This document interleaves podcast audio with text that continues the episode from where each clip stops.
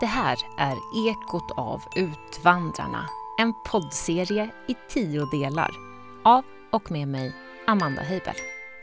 Det startade med mina återuppväckta funderingar kring Utvandrarna men blev till en lång rad möten med människor vars historier egentligen rymmer så mycket annat. De röster som berättat i den här podden har en gemensam koppling till Vilhelm Mobergs böcker om emigranterna från Judersocken i Småland. Men jag hade nog inte kunnat föreställa mig alla de platser som samtalen i den här serien skulle ta mig till. På sätt och vis spretar det förstås åt alla håll. Men när jag lyssnar på mina intervjupersoners generöst formulerade tankar om livet så slår det mig att det är just det här som läsning och litteratur är för mig. Vi delar kollektiva minnen, reflektioner, känslor och frågeställningar som väcks genom en väl berättad historia. Och det är något fint med det. Naturligtvis har jag haft kontakt med många fler personer än de som till slut hörts i podden. Till många medverkande har jag skickat handskrivna brev i brist på annan kontaktväg och på så sätt har jag fått flera betydelsefulla möten även om inte alla har nått omvärlden. En av anledningarna är att många av dem jag sökt upp är äldre. Jag samtalar bland annat med ett par av mina personliga favoritskådespelare från den äldre filmatiseringen av Utvandrarna och Nybyggarna. Men halvgjorda intervjuer får skjutas upp och avbrytas av hälsoskäl. Och jag förstår att tiden i många fall är knapp. Därför var den här serien på väg att ta slut ungefär här. Och att jag inte fått svar på riktigt alla mina handskrivna brev, det är förstås helt okej. Men så ringer telefonen en ljummen majdag när jag står och monterar ett växthus i trädgården hemma i Visby. Det är ett okänt nummer från Trelleborgstrakten och jag blir faktiskt lite överraskad när jag svarar. Hej Amanda, detta är Jan Troell.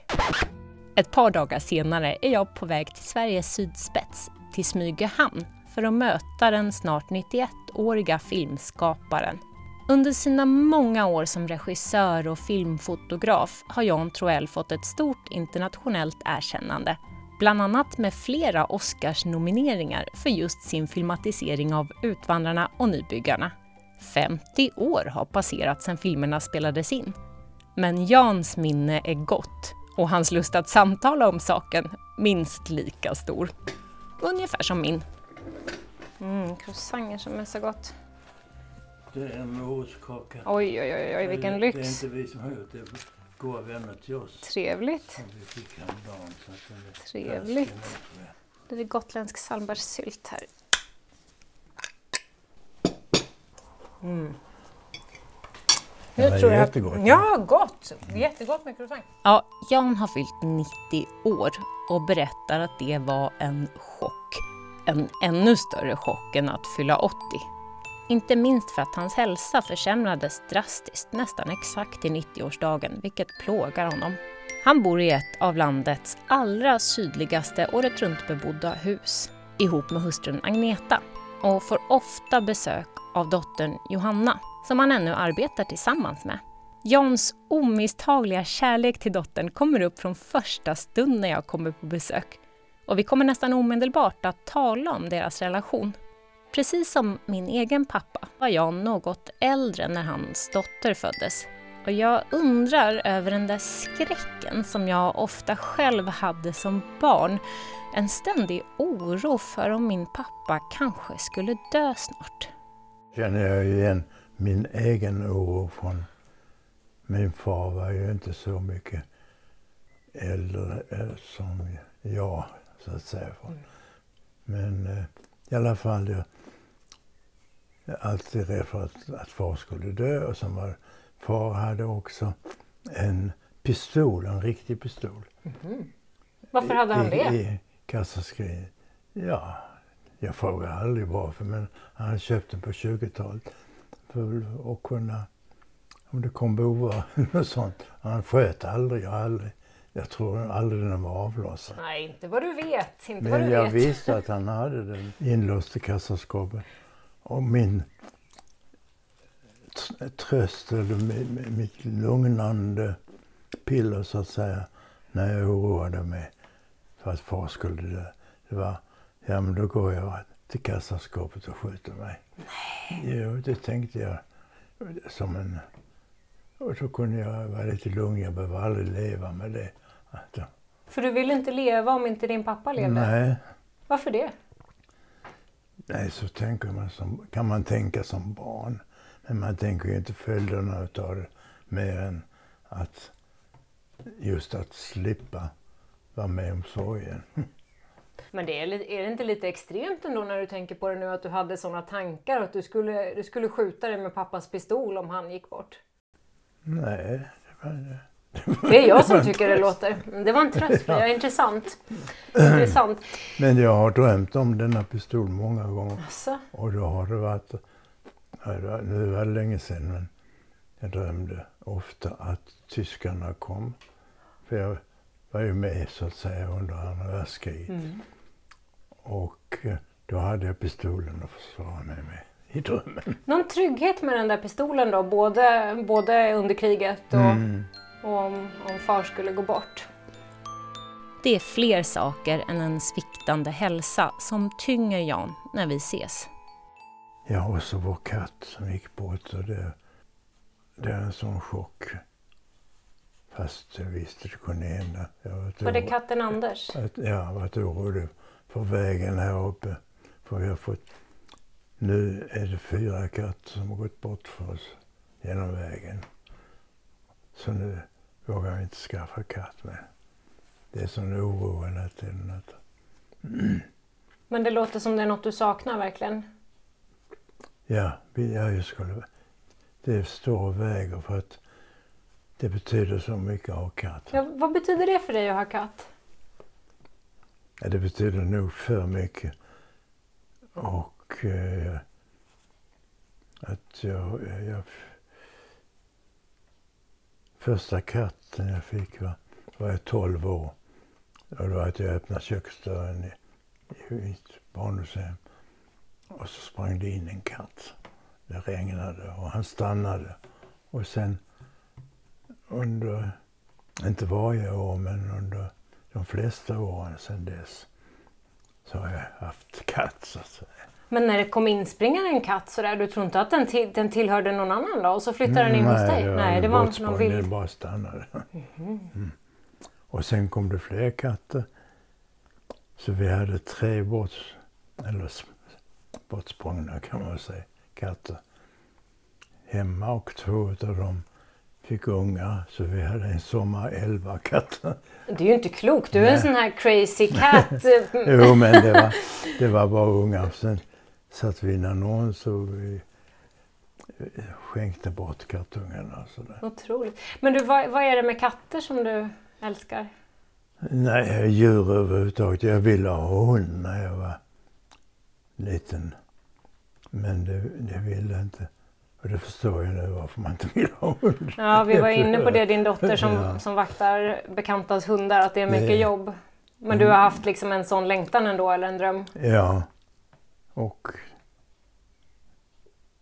Ja, det... Det får vi gå till en psykiater för att ta reda på. Ja, det får vi göra. Jag ska hjälpa dig att ringa ett samtal sen. Nej, men det är fint att djuren betyder mycket för dig.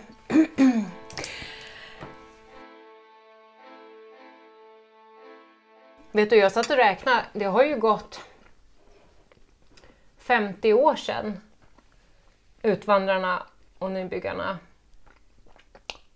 blev klara egentligen, eller hur? 71 kom 69 spelade vi in. Mm, men de var klara vid 71 kom var det ändå premiär på Mm. första. Och 72 kommer Nybyggarna va? ja. Det är De var 50 år sedan. inspelade på samma gång. Ja, jag vet. Parallellt med varandra. Men det är ju en rätt lång tid. Har det, har det varit något jubileum av något slag? Just Nej, men de visas ju ideligen på olika sätt. Så Jo, det vet jag. det är mycket märkligt att de, och roligt att de har hållit sig. Att de lever ju nu. Tycker du att det är märkligt? Det tycker inte jag. Nej, men det är ju... Ja, men det är ju en fantastisk berättelse. Ja, det är det. Och, och, och karaktärerna i den. Hur kände du förresten när du var 11 år eller 10 och Mm. läste? mm. inför Robert. Mm. Tänkte du på honom? Ja, mycket. Jag brann för Robert och det var ju så lätt att relatera till honom på ett sätt. Dels om man har någon läggning åt det här, lite drömska.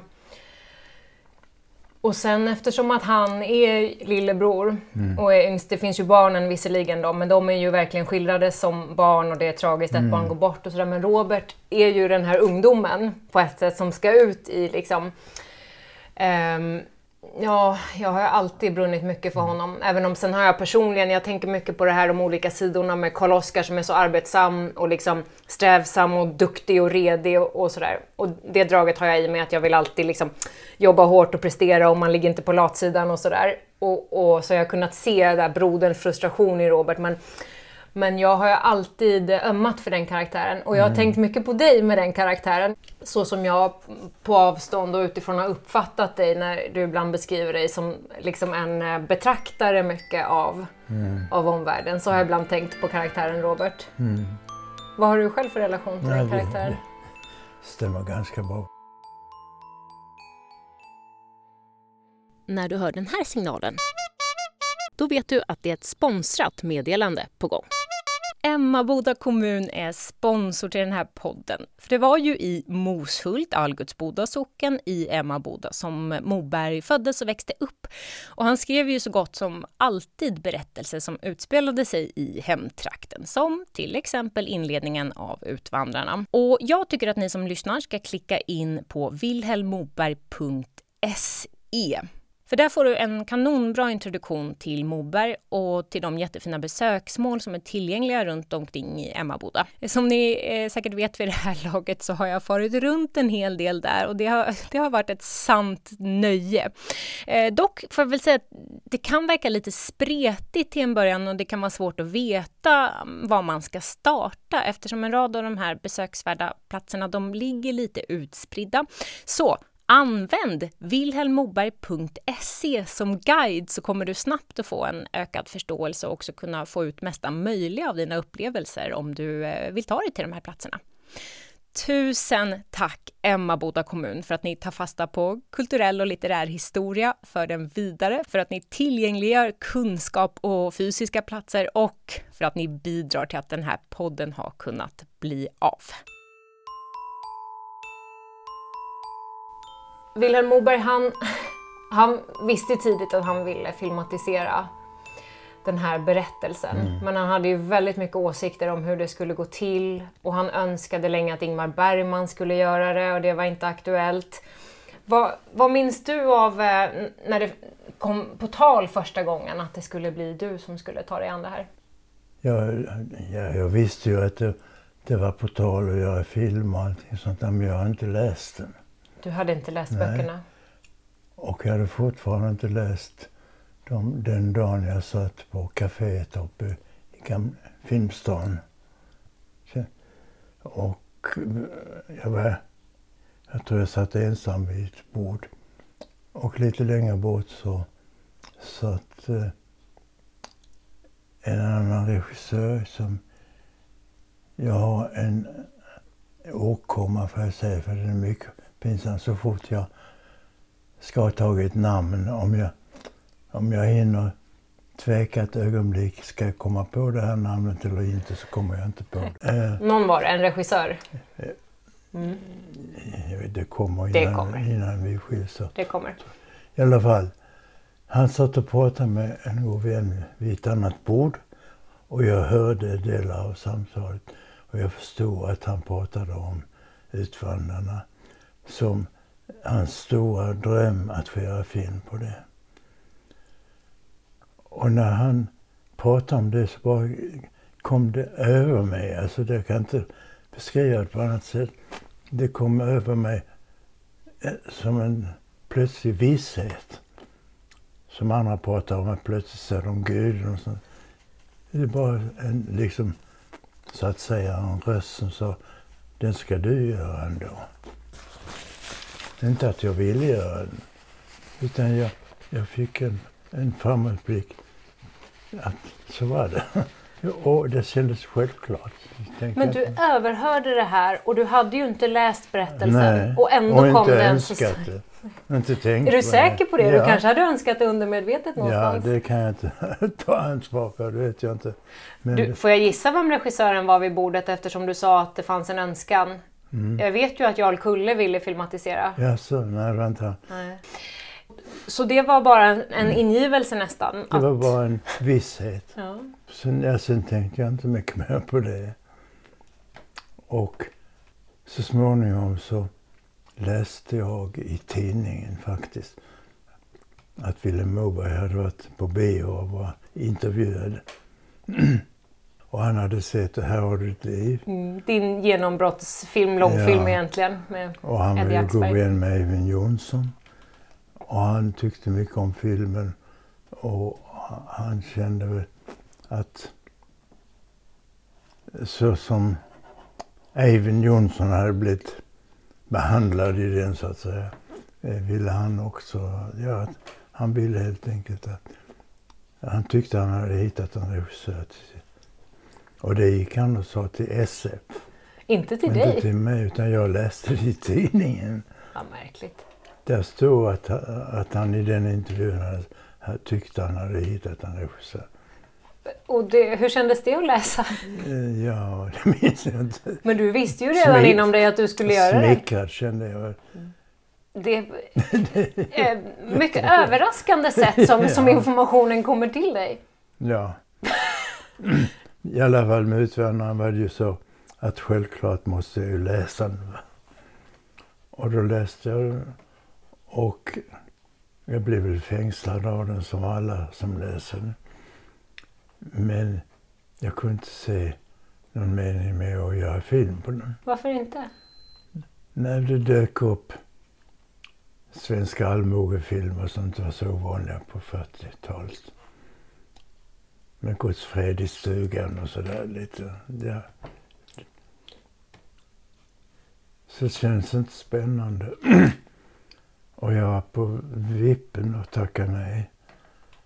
Och då gick jag till, då ringde jag till min gode vän Georg Odna, fotograf. Känner du till honom? Till namnet? Jag, Ja, men jag vet inte ja. alls vad han har gjort. Nej, men han är bara en av Sveriges bästa fotografer. Och jag har ett par böcker. Mm. Hur som, jag har ju gjort en film om honom också, Ah. dokumentär. Som heter Närvarande. Liksom hans ena stora bok. ja, jag har, hade alltid sett upp till honom, beundrat honom som fotograf och så. Och han var, tyckte jag, en klok människa. Och vi, diskuterade allt mellan himmel och jord. Så jag tänkte jag ska fråga vad, vad jag tycker. Och, och han sa ju bom, så att jag tyckte jag skulle tacka ja. Och så vidare. Och så ser du till att få, få, med mig till Amerika så kan, kan vi snacka vidare. Det fick jag också sen. Så. Det blev så? Ja, men det var nu gick jag händelserna för det var på, på en annan film, Sandy's Bride, som jag också gick till honom och frågade, ska jag säga ja eller nej? Det var lite Men men- mentorskap från hans sida. Ja, det kan man säga. I alla fall, vi, eh, han, där kom han med som rådgivare under förarbetet. Men jag skulle inte kunna ha honom där under inspelningsarbetet. Man kan inte ha någon man beundrar stå bakom under, medan man jobbar. Vad hände då?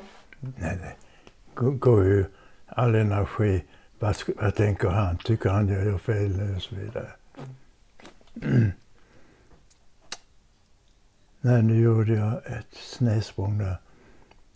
Jag läste den, men sen tyckte jag, jag var naturligtvis också smickrad och tyckte det var roligt, spännande och vi skulle till Amerika och så vidare och så vidare.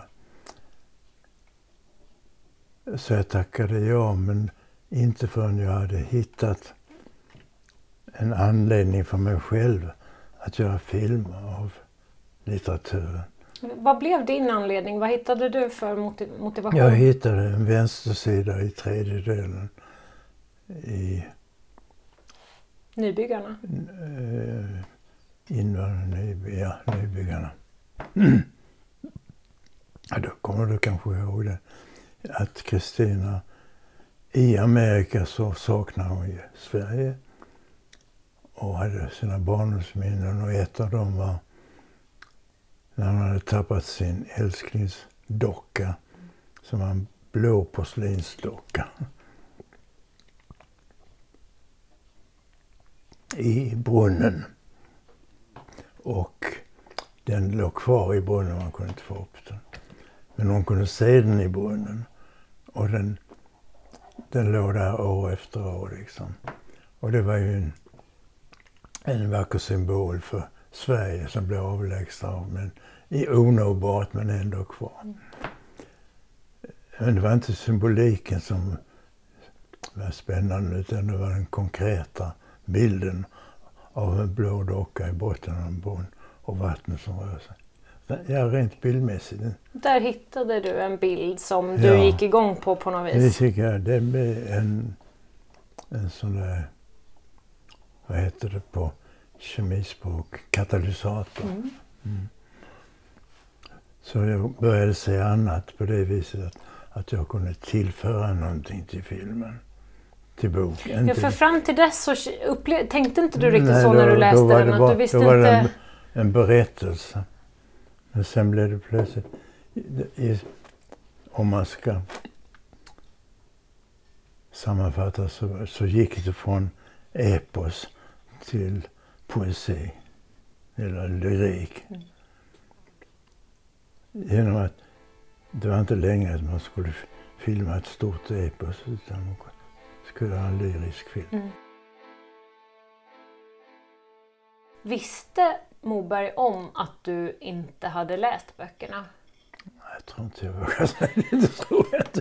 Det är ju liksom minst sagt preskriberat nu och han, han är long gone. Um, men det är ju lite intressant om man tänker att han gick ut i pressen och sa att han har hittat sin regissör och sånt där och du var ju egentligen lite tveksam mm. åt Nej, att eh, han kanske räknade med det för att de var ju väldigt lästa vid den tiden. Ja, alla läste. Alla utom John tror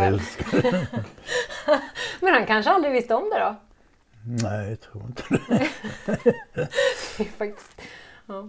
Vad minns du av um, ert första möte då? När du träffade honom, Wilhelm Moberg? Ja, det var helt enkelt på SFs kontor i Stockholm som då låg på Kungsgatan. Och jag var där tillsammans med Bengt Forslund som skulle vara producent. Mm. Och Max von Sydow. Det var redan bestämt alltså med Max von Sydow? En pressträff helt enkelt. Och då, det var nog första gången jag träffade honom. Mm. Sen fick vi ju, Bengt och jag då, träffa honom naturligtvis flera gånger. Och när vi hade man, höll på med manus jag tror inte han läste det förrän vi var klara, mer eller mindre klara med. Och då hade han lite synpunkter, men förvånansvärt lite för att vara Moberg, för han, han kunde lägga sig i allt. Ja, man har ju förstått att han jätte, hade den tendensen. Han kunde vara jättejobbig. Hur mycket upplevde du att han var... Ja, men hur mycket fick du uppleva av det här, att han kunde vara jättejobbig? Nej, faktiskt väldigt lite. Men eh, Bengt Forslund fick ju, han blev ju nästan, ja Moberg sa väl upp bekantskapen med honom. Det var mycket orättvist. Därför under inspelning, Moberg hade alltid ett horn i sidan till pressen och journalister. Och han var mycket naiv därför han, han, han trodde väl en film kunde göras utan publicitet och så vidare. Så han var ju emot detta att de kom, gjorde inspelningsreportage. Och då hade Bengt, när vi hade hållit på ett tag, kommit på en om det var han som från början kom på, men han hade genomfört i alla fall en idé att ta korta texter ur, ur romanen. Direkta citat. Och så ta en bild ifrån det inspelade materialet som, som hörde till den situationen. Nästan som en, en serietidning så att säga. Och publicerat i Expressen i flera nummer. Har du sett den kanske? Nej, men jag har ju hört om det här eh, och att han blev upprörd. Ja. Jag, men jag har inte sett det. Det skulle varit intressant. Ja, det var mycket snyggt gjort. Jag hade inte något att anföra mot det. Men uh, han ville inte prata med Bengt, men det gick. Fast jag skrev och förklarade och allt. Så. Men hur, hur var det för dig? Det måste ju varit ja, svårt det, också. Ja, det var jobbigt. Det var inte roligt. För de försonades aldrig? Detta var inte i början direkt. För vi hade ju varit och besökt honom på hans sommarställe och då var allt frid och fred. Ja, det måste ju varit ganska nära vi var premiär, till och med eller hur? Och, och, vi var till och med med, med Moberg och, och badade på det stället där han sedan tog sitt liv. Är det sant? Ha, vad fascinerande. Nej, jag tänkte på att den publiceringen, om jag inte helt missminner mig, eh, som man har hört om det här, att hur upprörd han blev där med Expressen, att det nog kanske var ganska nära premiär. För jag minns bara att han, att det, han lär ha liksom gått ut och sagt att, att han, julen blev förstörd för honom och allt vad det var. Det blev den det. Ja, precis. hmm. Men eh, han hade ju sett filmen innan. Före premiären. Alltså. Jag var inte heller på premiären. Alltså. Du var inte jag själv på premiären? Alltså, varför det? Jag tycker inte om premiär. Du går aldrig på premiär av dina egna filmer? Jag ska inte säga aldrig, men... Nej, det är inget... Det man är ju helt hudlös så att säga. Den har inte recenserat ännu. Och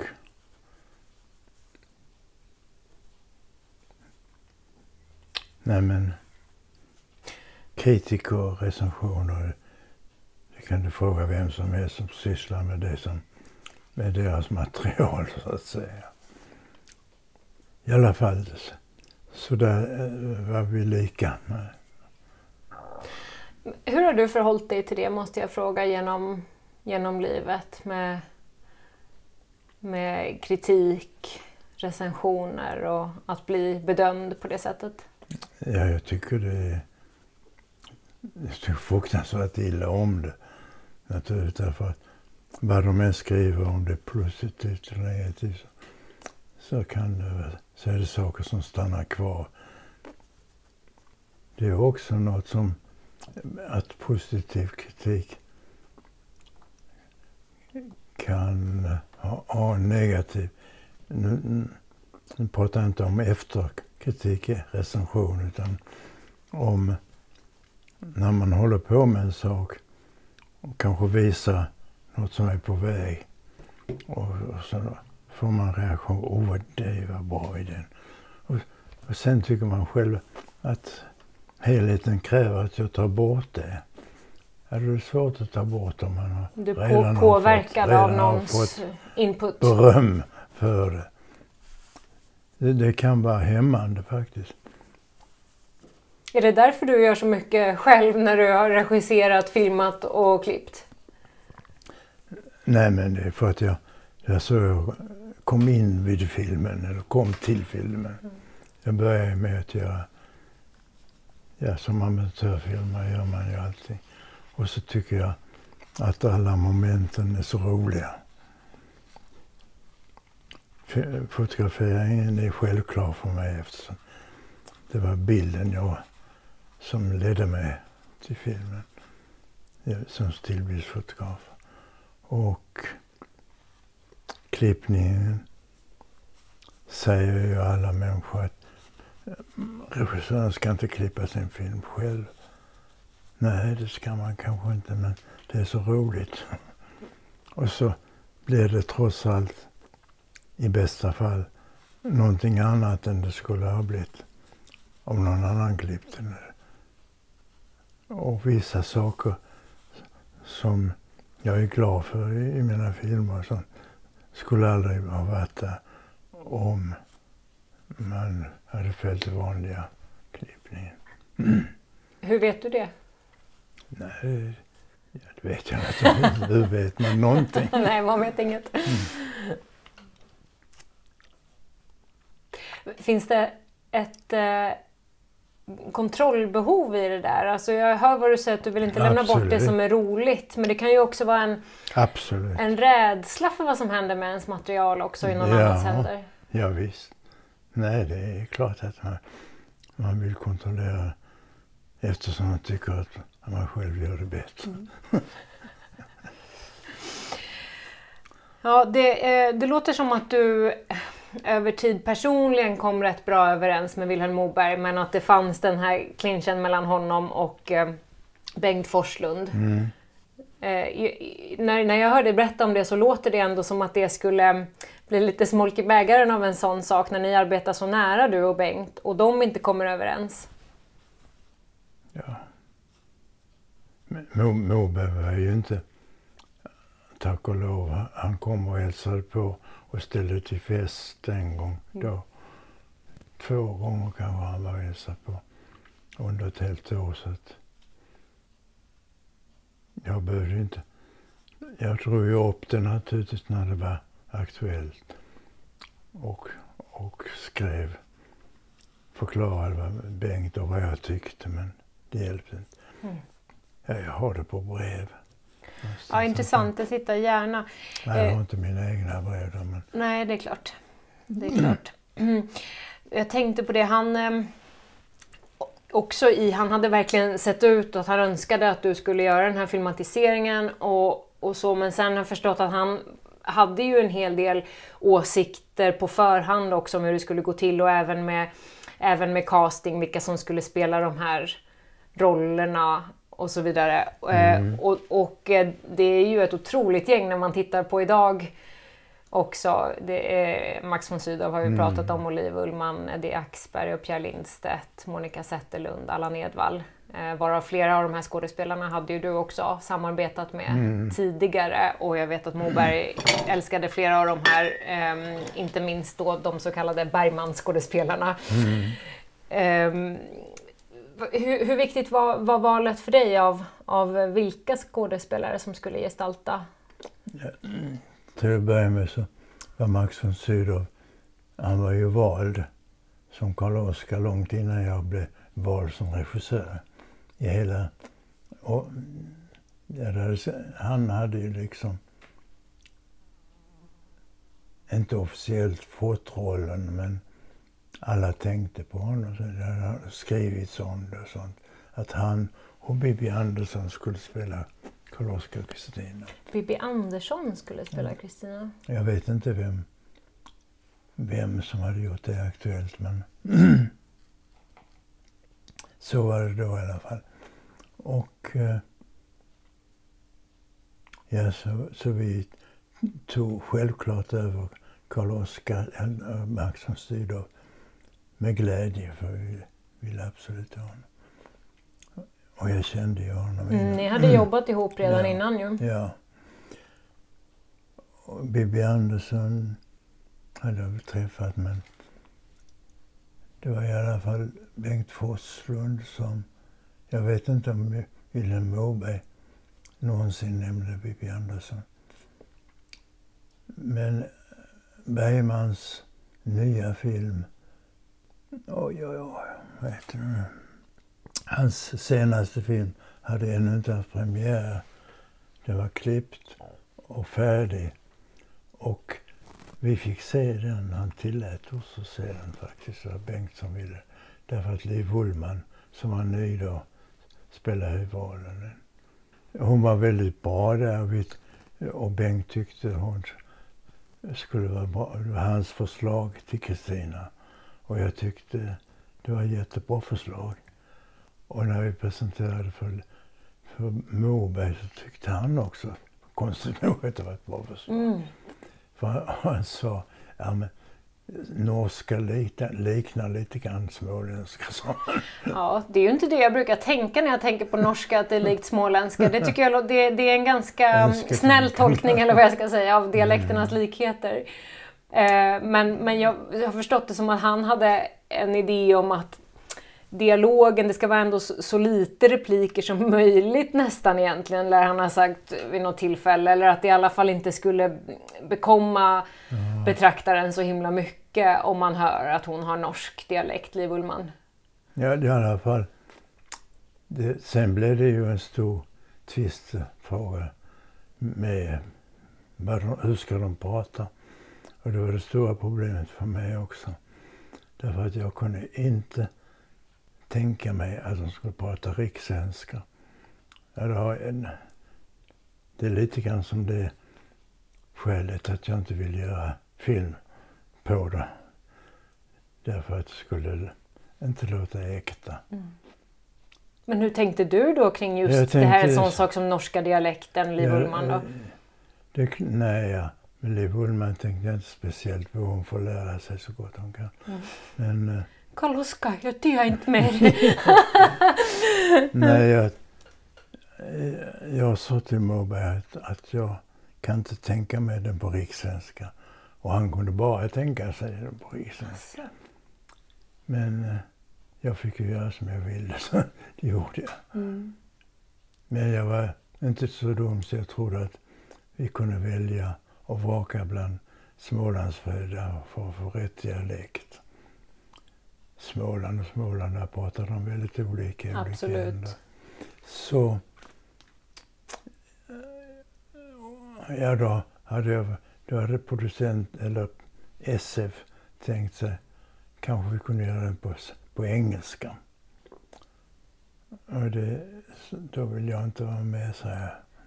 Engelska? Mm. För att undkomma problematiken med ja. dialekt? Ja. Men det vill inte direkt och, göra det enkelt för sig? Ut nå ut i världen. Jo, det förstår jag ju för sig genomslaget internationellt. Ja. Men ändå, det blir ju verkligen om, om man... Ja, hmm.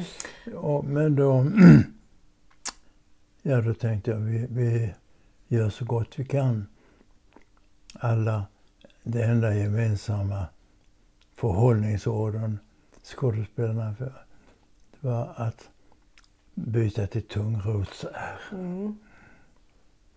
Och det är inte heller överallt i Småland man pratar om tom. Men de gjorde det. Mm. Kring de, Judersocken så blev det nu ja, så. då har de en gemensam. Mm. Och sen ja, lyssna och, och öva sig på tonfall och så heter det satsmelodi och så. Så att uh, Eddie Axberg och, och Per Lindstedt gjorde, som var stockholmare bägge, jag tycker de gjorde väldigt bra Mycket småländska. Det får, för, för ett gotländskt öra så låter det kanon. Ja. Nej, men det är ju... Nej, vad heter det? Ulrika då, Monica Zetterlund, hon, hon pratar värmländska med tungrosa. Mm. Det blir en hemmagjord kompromiss. Men hellre den kompromissen att de ska låta som stockholmare mer eller mindre. Mm. Där hittade ni en, eh, en väg. Och den, ja, den blev accepterad för att det kom inte någon särskild... Och de flesta sa väl efter lite tag så, så, så vande man sig så blev det små. I alla fall så lät det inte mondänt på något sätt. Nej, det där med dialekter oavsett hur exakta och autentiska de är, det skapar ju någonting hos karaktären stämning av, precis som du säger, att det blir mer tidlöst om inte mm. annat. Det är intressant faktiskt. Det finns ett tillfälle under filminspelningarna där Jan mer uttryckligen kom i konflikt med Vilhelm Moberg. Vi var uppe tidigt skulle fånga det ljuset. Det var underbar morgon med rimfrost och, och precis det ljus man kunde drömma om. Så vi måste ju skynda oss med alla förberedelser och det var mycket förberedelser. Vagnen skulle gå, kameran skulle stå och så vidare. Och skådespelarna. Så jag var eh, naturligtvis väldigt stressad. Och då hade jag varit och pratat med de som spelade Karl-Oskars far och mor mm. som stod kvar där. Och jag hade strukit en av hans repliker. Så jag hade, det, det visste de om. Och sen åkte vi i, jag åkte med och kamerateamet med fotografer i en häst, den hästskjutsen vi skulle ha. För jag skulle, jag åkte fram och tillbaks den sträckan de skulle åka för jag skulle ta ut kamerainställningar och så vidare. Och Moberg var med där ombord. Och då så tar han plötsligt så säger han att han hörde utav, kommer inte ihåg vad skådespelaren heter, att du har strukit en replik där. Och då förstod jag bums vad det här blir. Det är en av hans favoritrepliker. Och det kan jag inte ta nu, den striden. Så jag, jag bara stannade vagnen och klev av och gick ut in i grönskan bredvid vägen. Och så minns jag tog min, min handsken i fickan och den rev jag itu. Alltså, så här med nerverna, så förbannad. Jag orkar inte med det här. Att, att, att slåss med honom nu. Och sen gick jag tillbaka och satte mig. Nu fortsätter vi. Och Bengt, som också satt med, han berättade att, att Ville blev väldigt blek och tyst efter det. Men eh, repliken den kom inte med? Nej. Det blev som du ville? Ja. Inte den där en, en replik. Det, och den är väldigt bra.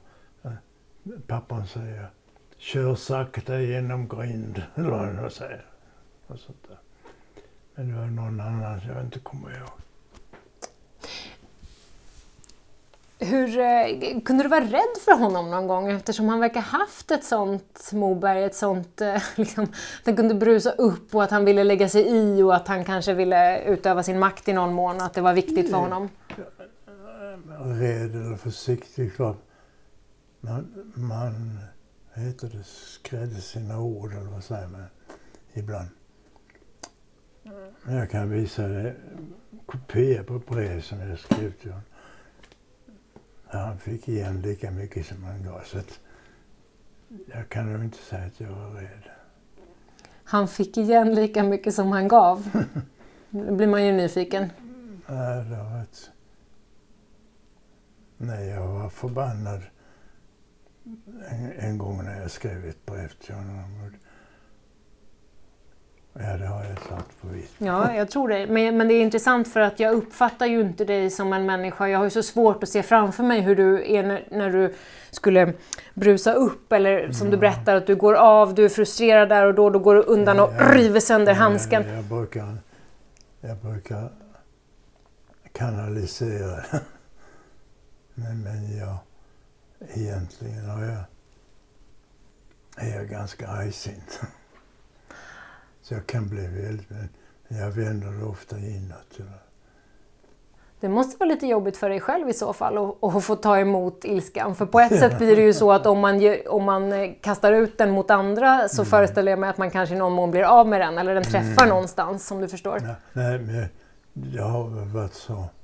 Jag har varit hela livet nästan varit eh, ja, konflikträdd eller aggressionshämmad ska vi säga. Att inte ge uttryck för ilskan.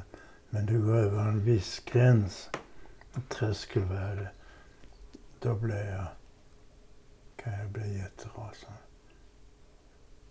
Men då slår jag hellre på mig själv än på den andra. Mm. På något sätt. Mm. Intressant. Det låter precis som raka motsatsen mot eh, hur, hur jag har fått uppfattningen att Vilhelm Moberg agerade. Att han var väldigt utåtagerande om han blev arg. Mm. Liksom, på något vis. Men det har blivit mindre med åren. Är du mindre arg med åren? Nej, tvärtom. Mer aggressionshämningen har blivit... Jaha. Men, Jag men, vet men om du jag blir arg och det måste komma ut nu för tiden, kan du skrika eller? Jag kommer inte ihåg. Nej, men då har du ju inte skrikit på länge. om du inte kommer ihåg det. Nej, jag säga inte. Ryta kanske, men inte skrika. Mm. Ja, jag vet inte. Mm, Jag ska göra det. Det får bli en separat intervju som handlar om Jan Troells eventuella ilska och uttryck för den. Mm. Det kanske är en hel serie i sig. En ny podcast om, om Jan Troells tillbakahållna ilska. Jag vet i alla fall. Jag jobbade, jag gjorde tre insamlingsfilmer för TV. För två för Rädda Barnen och en för en, eh, vad heter det? Lutherhjälpen heter det. Mm. Och den ena, två utav dem var tillsammans med Lars Brav Mm. som var journalist och chefsredaktör för Kvällsposten en tid. Ja, en bra man och bra journalist. Men han var med för att vi skulle bara vara där en vecka och göra filmen. Och eh, han skulle skriva texten, speakertexten. Och, och jag strök ju väldigt mycket i den. Jag ville. Och då, slutorden i filmen tog jag bort. De som skulle vara viktigast kanske uppmana till. Som ge, ge incitament till att ge pengar. För jag tyckte blicken hos barnet sa det så mycket Mm. och stördes utav att man la det på. Och jag hade säkert strukit en hel del andra repliker. Men jag minns i alla fall att han blev så arg på mig. Han, han sa, du är den otrevligaste människa jag någonsin har arbetat med. Så där har du liksom en motpunkt till din bild. Mycket intressant. Ja, jag, kan ju, jag kan ju vara helt vilseledd. Jag har bara träffat dig under en dag. Men jag har så svårt att föreställa mig. Otrevligaste människan. Han Nej, kanske, men- han kanske inte hade jobbat med så många Jan. Man vet inte. Nej, nej, men Mm, det var nog, Det är klart det är det otrevligaste man kan råka ut för. Att få strukit sina favoritrepliker. Det är klart. Kill your darlings. också. Jan och jag får leta en stund i hyllor och skåp. Men till slut hittar vi hans låda med sparade originalbrev från Vilhelm Moberg. Det, det är precis som du säger, det, det är maskinskrivet men sen är det liksom understruket med penna och så här. Ja, så var det. Ja, Så ska det vara. Ja, det här är inte så... 9 mycket. december 67. Regissör Jan Troell. Käre Jan. Samtidigt med detta brev sänder jag dig i rekommenderad försändelse den synopsis på Utvandrarna, första delen av romanen om Amerikafararna som jag gjorde i Florida 1953, för snart 15 år sedan. Han har strukit under, snart 15 år sedan. Han tyckte det hade gått lång tid. Kanske. Tror du det? Här har vi inte börjat på filmen ju. Nej, precis. 68. Vad är det? Jag har inte gått igenom de här på länge. Nej. Ja, det är för krångligt att ta upp det. Regissör herr Jan Troell från Vilhelm Moberg. Hur mår för övrigt Karl-Oskar och Kristina och de andra utvandrarna? Råkar du dem någon gång? Om Liv har jag läst att hon nu ska börja sin världskarriär. Jag tror det är tionde gången som hon börjar på den. Han har skrivit om Liv Ullmann, att han tror att det är tionde gången han har hört att hon ska börja sin världskarriär. Han undrar väl varför det inte händer. Nu är jag en gång så skapad att jag reagerar emot lögner, eh, löftesbrott och djävulskap i alla former och jag skyller på Gud som lär vara min skapare. Alltså, du får vända dig till honom eh, och anhålla att han gör om mig. Vilket tog det väl sent när jag är 70 år och han är upprörd över Monica Z och så... han säger ja, jag lider verkligen med dig. Eh, när de plockar sten på din redan tunga börda. Du har nog att kämpa med Karl Oskar och Smålandsstenen. Vill du också hälsa dina artister och förklara mitt motiv för dem, särskilt Max, Liv och Eddie, ifall de tycker att författaren är en jävla bråkmakare. Och jag litar givetvis helt och fullt på dig som filmskapare. Det har jag gjort från allra första början och jag hoppas också du blir riddaren som besegrar mm. draken. Ja. PS. Jag skrev till producent Bengt Forslund att han begick ett stort misstag när han väntade med presskonferensen. Ja. Då fick den kriminella delen av pressen sin stora chans att till varje pris försöka komma först med bilder och reportage och den chansen missade de inte. Det misstaget har ni sannoliken fått lida för och jag fick rätt, tyvärr, tyvärr. Mm. Otroligt. Kära Ingmar, det där är nog korrespondens med Bergman va? Ja. Här skriver Moberg till dig om att han har haft en liten sjukdomsperiod med diet, kaffeförbud inom parentes. Mm. Och så vidare. Och så skriver han, och särskilt kan jag inte skriva utan kaffe. så det är tufft för honom. Nej men, vad rolig han är. Nu skriver han så här. och så nu sist, min egen begravning under en stor gråsten på soldattorpet i Algutsboda. Med möda har jag klarat mig undan den. Den äger rum söndagen den 9 augusti i likets frånvaro. och liket undanber sig blommor... Punkt, punkt, punkt. Men eh, jag undrar om det var när de skulle resa Mobergstenen? Är det det han, ja, det det. Kan det vara det som det han tycker är lite... det är väldigt kul. Han har sån humor. Ja, det har absolut. Förstår du för mig att få sitta så här? Ja, det är inte många som har sett honom kan jag tro. Nej, det känns väldigt lyxigt.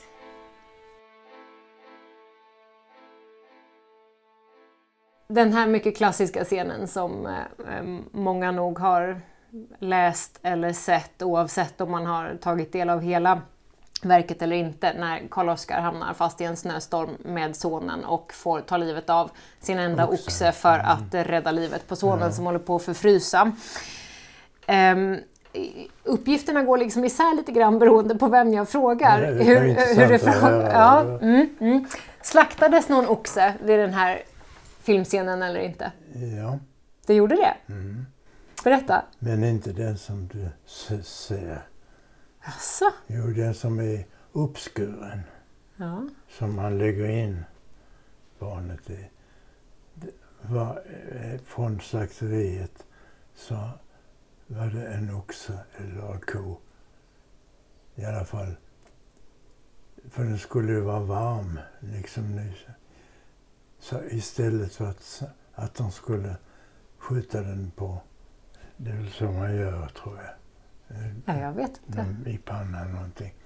I alla fall i skogen istället för på slakteriet den dagen.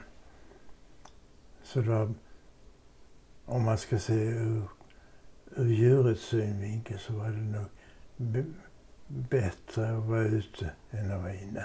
Om man ska vara krass. Men det var slakt ja. och det är en äkta ox, oxkropp som, ja. som han läggs in i där? Karl-Oskar dänger den här yxan eller klubban eller då, i huvudet på den. Så gjorde vi så här. Vi hade, det var ju jättedyrbara oxar. Vi hade, att hitta en oxe på den tiden, det var inte, fanns ju inte. Alltså en oxe som kunde användas till att dra och allt liksom.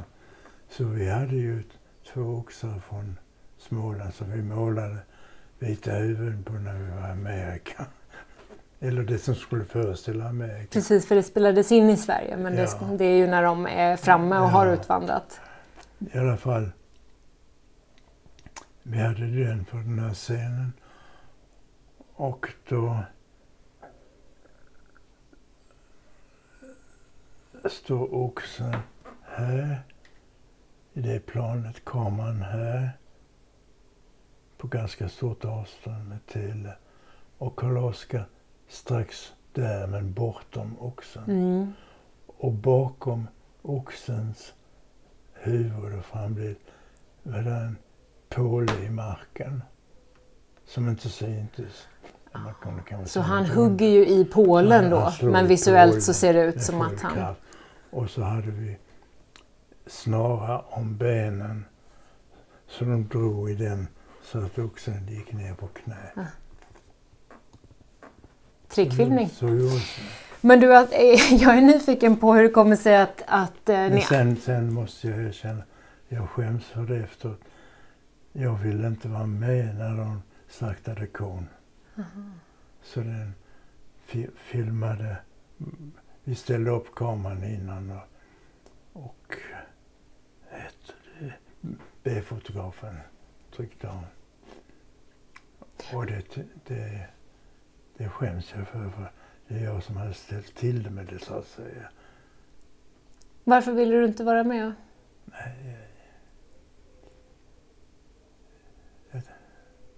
Jag har svårt för att slå ihjäl djur.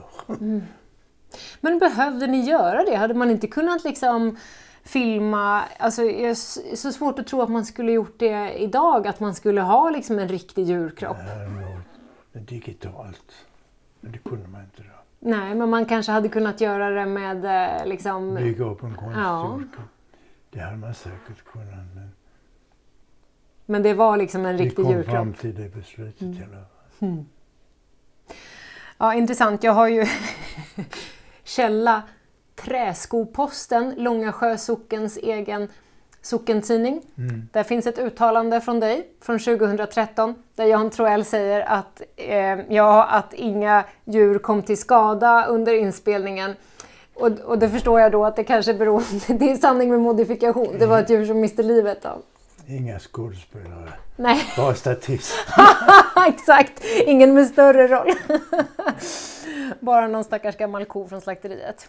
Jag höll ju på och satt och liksom listade några scener som jag personligen tycker är så starka på olika sätt. Jag behöver inte rabbla alla dem men, men ehm, det är ju alla, alla har ju sin personliga relation liksom. Men, men ehm, har du någon sekvens ur Utvandrarna eller Nybyggarna eller någon scen som, som du för egen del håller extra nära Nej, det- hjärtat? Det här är en liten detalj som dyker upp ibland jag tänker på. Som jag blir så glad för när vi tog den. Och det är när de har kommit till Amerika och vandrar genom skogarna och så vidare och gör en paus vid ett vattendrag och vilar sig, tror jag. Då, och de sjunger en psalm där med Daniel. Så, så se, det är mellan Robert, Eddie Axberg och eh, eh, Monica Zetterlunds dotter som spelar dottern i filmen och Pierre Lindstedt. Mm.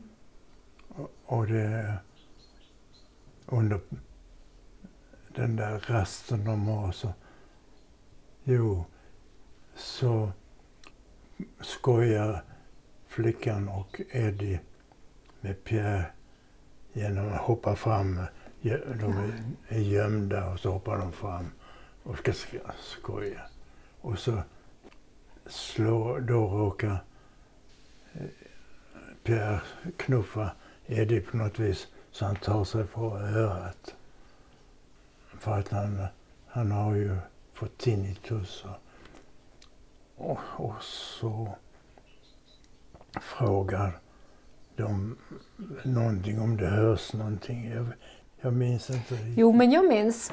De, de ska lyssna. Eh, de säger någonting, nu minns jag inte vem av dem säger, eh, har du ont i ditt öra, låter det igen? Ja, då, och då blir ju hon nyfiken, Ja. Elin-karaktären. Och vad, vad, har, vad hörs i ditt öra? frågar hon. Och så, Ja, ja, ja. Eh, så här, kan man höat? Ja. Ja, du kan väl försöka, säger han. Och han vet ju att ingen annan hör det här. Men då kommer hon nära liksom och ska Ja, lyssna. Och, sen Och så står de från varsitt håll. Pierre Lindstedt på Ja, ena och Pierre e- Ev, heter hon. Eva-Lena Zetterlund? Ja. Ja. eh, förlåt, Monikas dotter. Eva-Lena, heter hon det? Anna-Lena? Ja, jag ska låta det vara osagt. Men Elin på ena sidan och drängen Arvid på andra. Han kommer sist Ja. när hon har först sagt Då vill han också höra. Och i mitten så står då Eddie Axberg, Robert och så är han så nöjd för han har sin bästa vän och sen flickan som han är så förtjust i och så står de liksom kind mot kind på varsin sida. Gud vad jag blir glad att du tar upp den scenen. Den är fantastisk. Och det är liksom inte en scen som är någon man går och liksom omtalar. Det är så vackert. Mm. Vad fint. Jag satt och tänkte mycket på när jag såg om filmerna nyligen. Så tänkte jag mycket på vi- eh, det är ju otroliga karaktärsporträtt liksom allihopa på sitt sätt. Och några som jag upplever det är alltid svårt när man ska filmatisera och det är alltid svårt när man älskar ett verk. Utvandrarna är ju ett sånt som man i generationer har liksom haft relation till och man kanske har sin bild naturligtvis alltid och så filmatiseras. Och några karaktärer och relationer som jag personligen upplever kommer fram starkare i din filmatisering än vad jag kanske relaterade till dem i faktiskt i böckerna. En karaktär är Fina Kajsa Ja. som Agneta Prytz gjorde. Ja. Och som ju är jätte... Alltså hon har ju sin stämning i böckerna också. Men när hon kommer på film, jag tycker hon är Ja, helt ja. exceptionell. Och att hon, det händer något alldeles extra med henne. Mm. Det är alltså gumman som släpar med en slipsten och sin gubbe som har hjärtproblem och gubben går bort och han hamnar på sjöbotten. Hon ska till sin eländiga son som har liksom diktat upp i princip att han har en hel herrgård nästan. Mm. Och så kommer hon dit och han är försupen och bor i något litet ängahus. Ängahuset. Jag tycker hon är... Ja, hon är jättebra. Och, och, och hon stod ut med att bli nersminkad på det viset. Ja, för hon Ja. var väl rätt eh, tjusig. Ja, På, alltså jo. eh, snygg kvinna. Ja. Ja. Men det var en rolig sann historia från just Amerikatiden. Jag var inte med när det hände men de berättar för mig direkt. Jag hade kommit till någon ny inspelningsplats, en liten stad. Och då hade eh, Agneta Prytz och en annan, jag minns inte vem det var, hade gått omkring i stan och så hade de stannat framför en skönhetssalong. Vad det nu heter, beauty parlor och sånt. Och så hade Agneta gått in där och frågat kan ni göra någonting åt mig?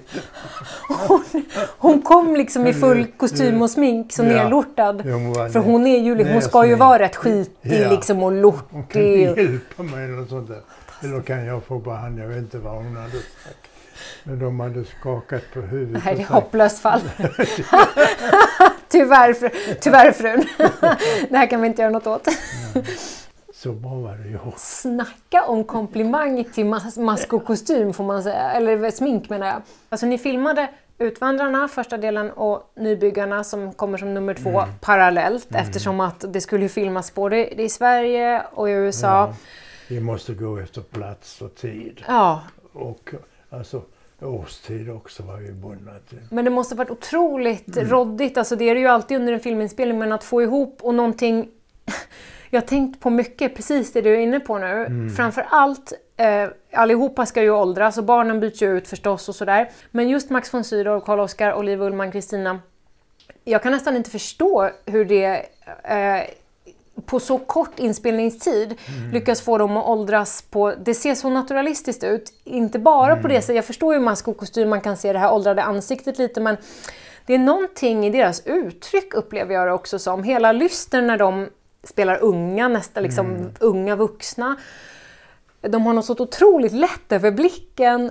Eh, det är ju verkligen en kombination av, och sen hur se hur de, de blir tyngda av allt som de är med om och drabbas av och förlust av barn och den här svåra utflyttningen och deras liv och tills, när hon till slut ligger och dör och den här klockan tickar i bakgrunden och man upplever liksom både hur tiden går men också hur de materiellt har fått det bättre och det sitter en klocka på väggen.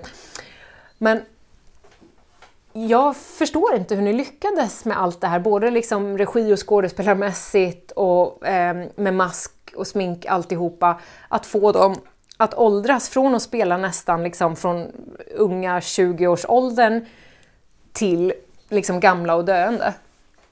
Ja, det var väl summan av allas insatser. Ja. Men jag tycker verkligen att det är ovanligt välgjort för det är sällan man upplever det så naturalistiskt som jag faktiskt tycker att att det är med dem. Jag tycker det är Mm, helt fascinerande. Vi hade ju inte mo- moderna möjligheter. Nej, det är det jag menar. Det här är har. 50 år sedan. Otroligt arbete i, med eh, sminket som spelar stor roll. Jo, det var det här jag ville säga ju. Apropå den karaktären, fina Kajsa, tänkte jag på att jag tycker att hon kommer fram så mycket starkare i filmatiseringen. Och, och sen så tänkte jag på en relation mellan två karaktärer som jag för egen del tycker också lyser starkare på film eh, än vad jag upplever att den gör faktiskt i, i böckerna. Och det är relationen mellan Robert och Kristina. Mm. Ja, den blev väldigt fin. Men, eh, jag kommer ihåg det. Vi skulle vi filma i köket på Kopparmån. Morgonen när Robert ska gå till sin drängtjänst. Och ja, vi har ju förberedde scenen. Nu ska jag sitta här, ska jag göra det och det och det. Och jag vet inte om jag, om jag tror jag frågade Liv vad hon, om hon vill, vad hon vill göra i scenen. Så, så tror jag hon sa bara, jag vill bara sitta och titta gott på honom. Det är verkligen det hon gör. Hon har med sig en öm blick. Hon har ju någon slags moderlig relation till honom men samtidigt är ett sånt utbyte hela tiden där han ger ju så mycket av allt sitt berättande och, liksom, och Karl Oskar kommer ständigt in så fort han kommer in så han kritiserar brodern och han anklagar honom för att vara lite mytoman och allting. Men, men de två, när de får vara i fred så har de en så särskild energi. Ja. Och det är någonting i de scenerna, det är flera scener mellan dem, den du beskriver och det kommer Och flera... sen när de kommer hem, hem från guld, Visst. det, med- det där är viktiga scener mellan dem. Verkligen. Vad, vad tänker du att det är som händer mellan två skådespelare när energin blir... Jag vet inte ens vilka ord jag ska sätta på det, men det är någon kontakt. Som inte alls, det handlar det är ju liksom inga romantiska scener, det är inga dramatiska scener. Det är med ganska små medel. Vad är, vad är det för någonting? Jag kanske inte har tänkt på det. Jag vet inte. Så har jag formulerat något svar på det.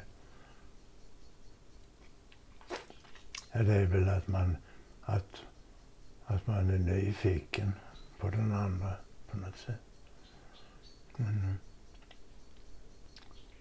men all, allting sitter ju i blicken.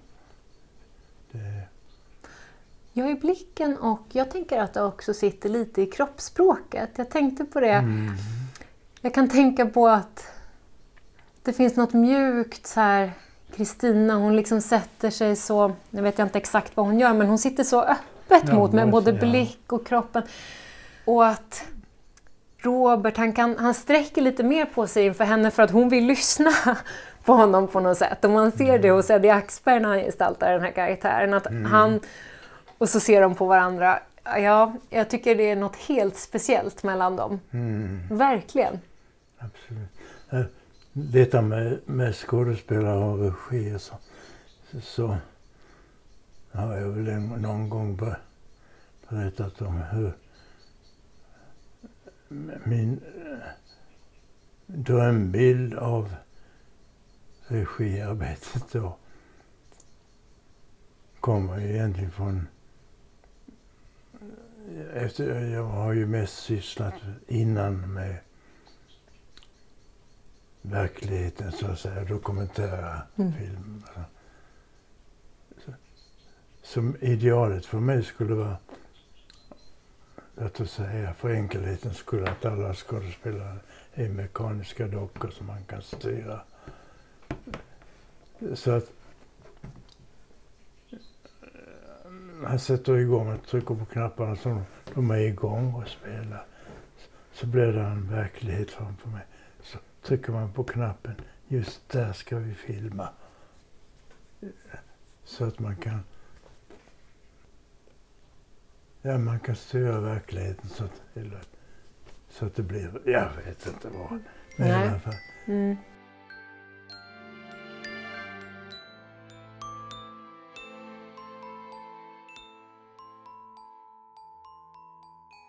Jag har varit så nyfiken på din eh, hur det har varit och är för dig att regissera Ja. skådespelare med tanke på att du själv beskriver dig som och andra beskriver dig som en ganska på ett sätt lite tillbakadragen eller betraktande person. Ja, jag, jag har ingen egen erfarenhet av skådespeleri, alltså att praktisera. Jag har inte haft skådespelardrömmar direkt kan jag säga.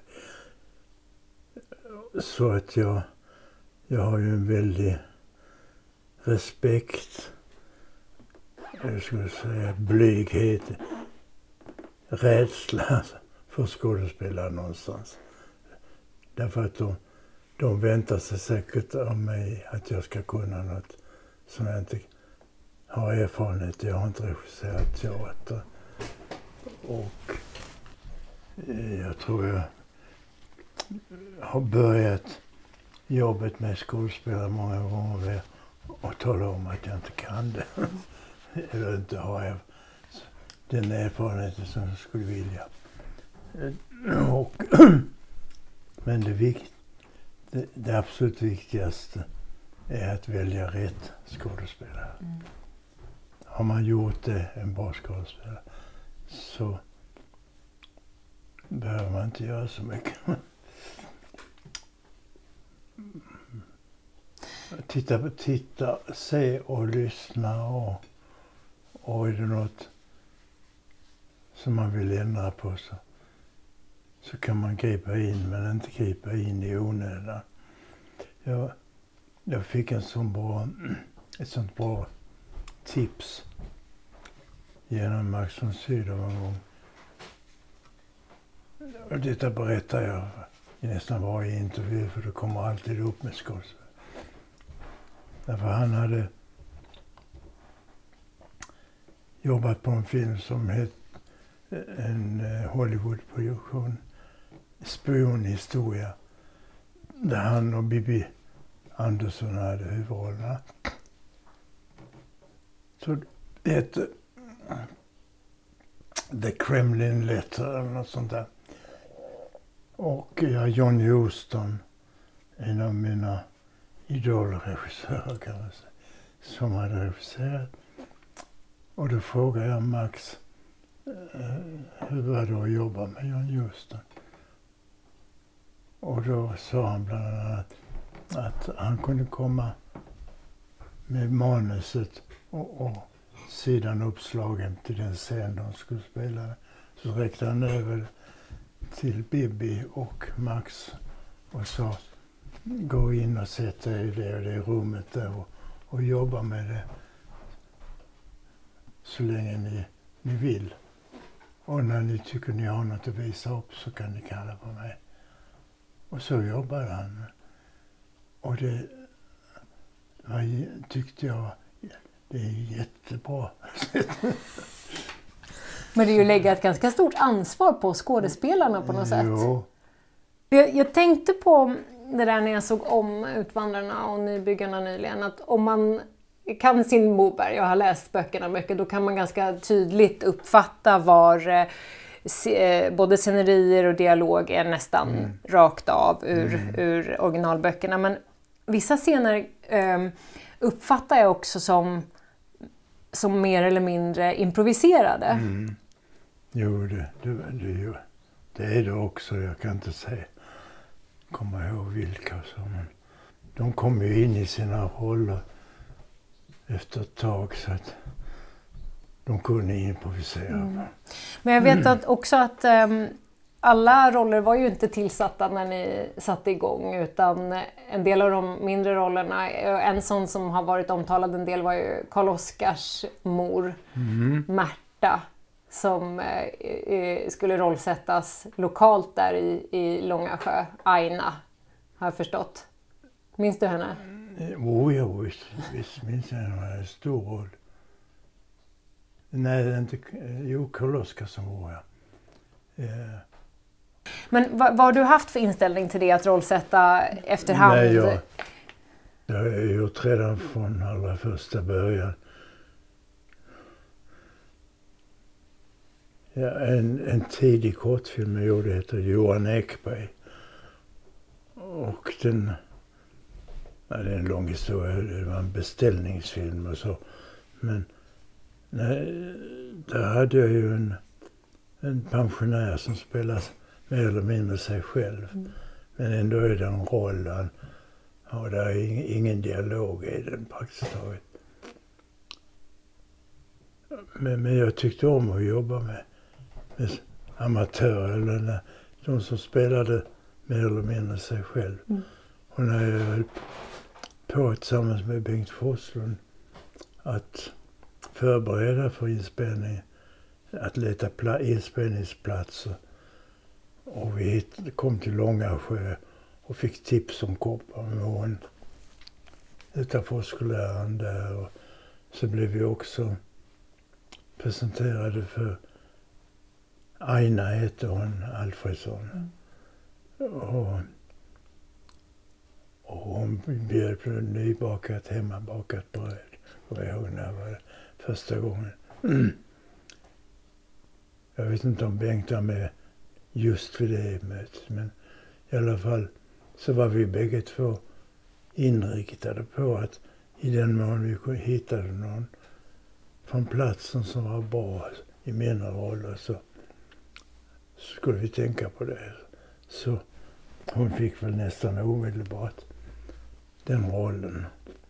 Och det var ju också så bra för hon, hon spelade inte. Hon kunde, hon kunde alla sysslorna. Eller kunde, hon gjorde ju sådana sysslor själv i sitt liv.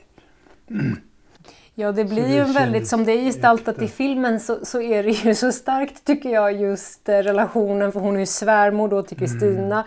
Och när man ser eh, Kristina eh, liksom, när hon är väldigt ung första mm. tiden, hon är fortfarande, hon älskar ju gunga repgunga och hon, är ganska, hon har liksom ett lite romantiskt förhållningssätt på något mm. vis till även om hon jobbar och sådär, men hon blir påkommen några gånger med att hon kanske inte hugger i så mycket som det mm. önskas och lite sådär. Och den blicken som, som hon har då, som spelar Märta då, Aina, den inte nådig. Nu står vi diskbalja. Precis så. Det är speciellt faktiskt. Så, och hennes man, ja, kom han med av bara farten som närkyrkvaktmästare eller vad det är han spelar. Och så... Och mormor, alltså hennes mans mor, mm. spelar den kloka gumman när barnet föräter ja, sig. Ja, från Idemo som kommer mm. där och säger att blir det inte bättre snart då kommer nog Gud och hämtar hem den lille. Hon var jätteövertygande i den Mycket. Rollen. När jag frågar vad Jan är mest stolt över med Utvandrarna och Nybyggarna svarar han att han egentligen inte är speciellt nöjd med filmerna. Nej. Jo, jag är nöjd med dem så, men jag, på den tiden när man skulle eftersynka ljud, det, var, det skulle vara historisk tid. Vi kunde inte ha bilar och flygplan. Det är den vanliga störningen. Men alla störande ljud gjorde att väldigt mycket av inspelade ljudet måste eftersynkas. Skådespelarna fick se filmen och se replikerna igen. Och, och, på den tiden gjorde man det genom att göra en, en billig kopia utav hela filmen, svartvit genom kontaktkopiering. Så det var inte högsta tekniska kvalitet så att säga. Och den var svartvit. Så den kunde man köra framåt. Den delade man upp i slingor. Så den gick om och om igen. En, några repliker varje gång, eller kanske en replik bara. Som om och om. Och så man körde det i projektor och skådespelarna fick även prova in först rytmen hur de sa det den gången. Och sen fick de upprepa det tills man blev nöjd med. Och då måste det ju, det skulle mycket till för det skulle bli lika bra som det hade varit när de spelade sen. Det är ju enormt svårt. Men man måste komma dit annars blir man bara så besviken. Men är det det du tycker att det var svårt Nej, att nå, att nå nej. det? Eller? Det var detta tekniska med de här svartvita slingorna. När jag såg dem jag tänkte så här skulle filmen sett ut. Du hade velat göra det svartvitt? Svartvit och, och repig nästan. Inte repig men en, en sem, inte perfekt skeppa och färg och sånt utan ja helt enkelt att den skulle se dokumentär ut. Tänkte Så om du hade gjort om det då. idag, hade du velat eh, göra det på det viset?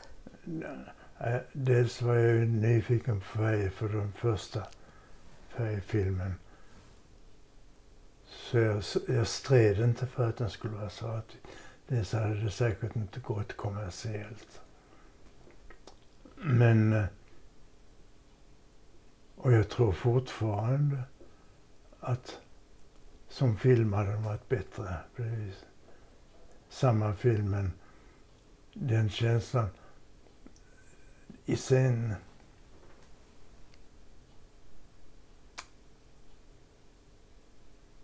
Ja, mindre film. Det är ju det som... Det är ett mycket intressant kapitel varför man ser färg på det sättet och svartvitt. Och varför svartvitt ofta känns mer äkta än färg. Är det bara tradition för att vi växte upp med minnena och Nej, det är många andra saker. Och... eh, Ja, ja det, det är ett långt kapitel ska inte. Ja, nej, men det är väldigt intressant eh, och spännande eh, att du men nu- upptäckte det. Nu är inte, inte de filmer jag har tänkt på som cinematografiskt, eller vad jag ska säga. Jag är mest nöjd med jag är nöjd med Il Capitano som Mm. filmuttryck. Mm, mm. Det har inte med att jag inte skulle vara nöjd med skådespelaren, men sättet den är gjord på. Mm. Innan jag och Jan skiljs åt får jag lust att ställa samma fråga till honom som jag tidigare ställt till Ingrid Nättervik. Vad vill du göra med resten av din stund på jorden? Eh, jag vill framförallt ha det som jag har det nu, fast en annan kropp. Kunna må bra och kunna röra mig och jobba. Säger han, Men, eh, ö- över 90 år säger Jan Troell att du vill fortsätta jobba. Ja, absolut. Och få att få arbeta med Johanna på en ny film skulle ju vara. Din dotter, ni har ett Mm. projekt ihop som ni hoppas kunna komma vidare med. Ja, Vi har ett jättebra manus och allt. Bra historia. Vi håller tummarna för det. Tack, tusen tack Jan för att jag fick komma hit idag. Tack du. Det Jag är lite roligt att få prata med någon som är så fascinerad av, av ämnet. var... Tack.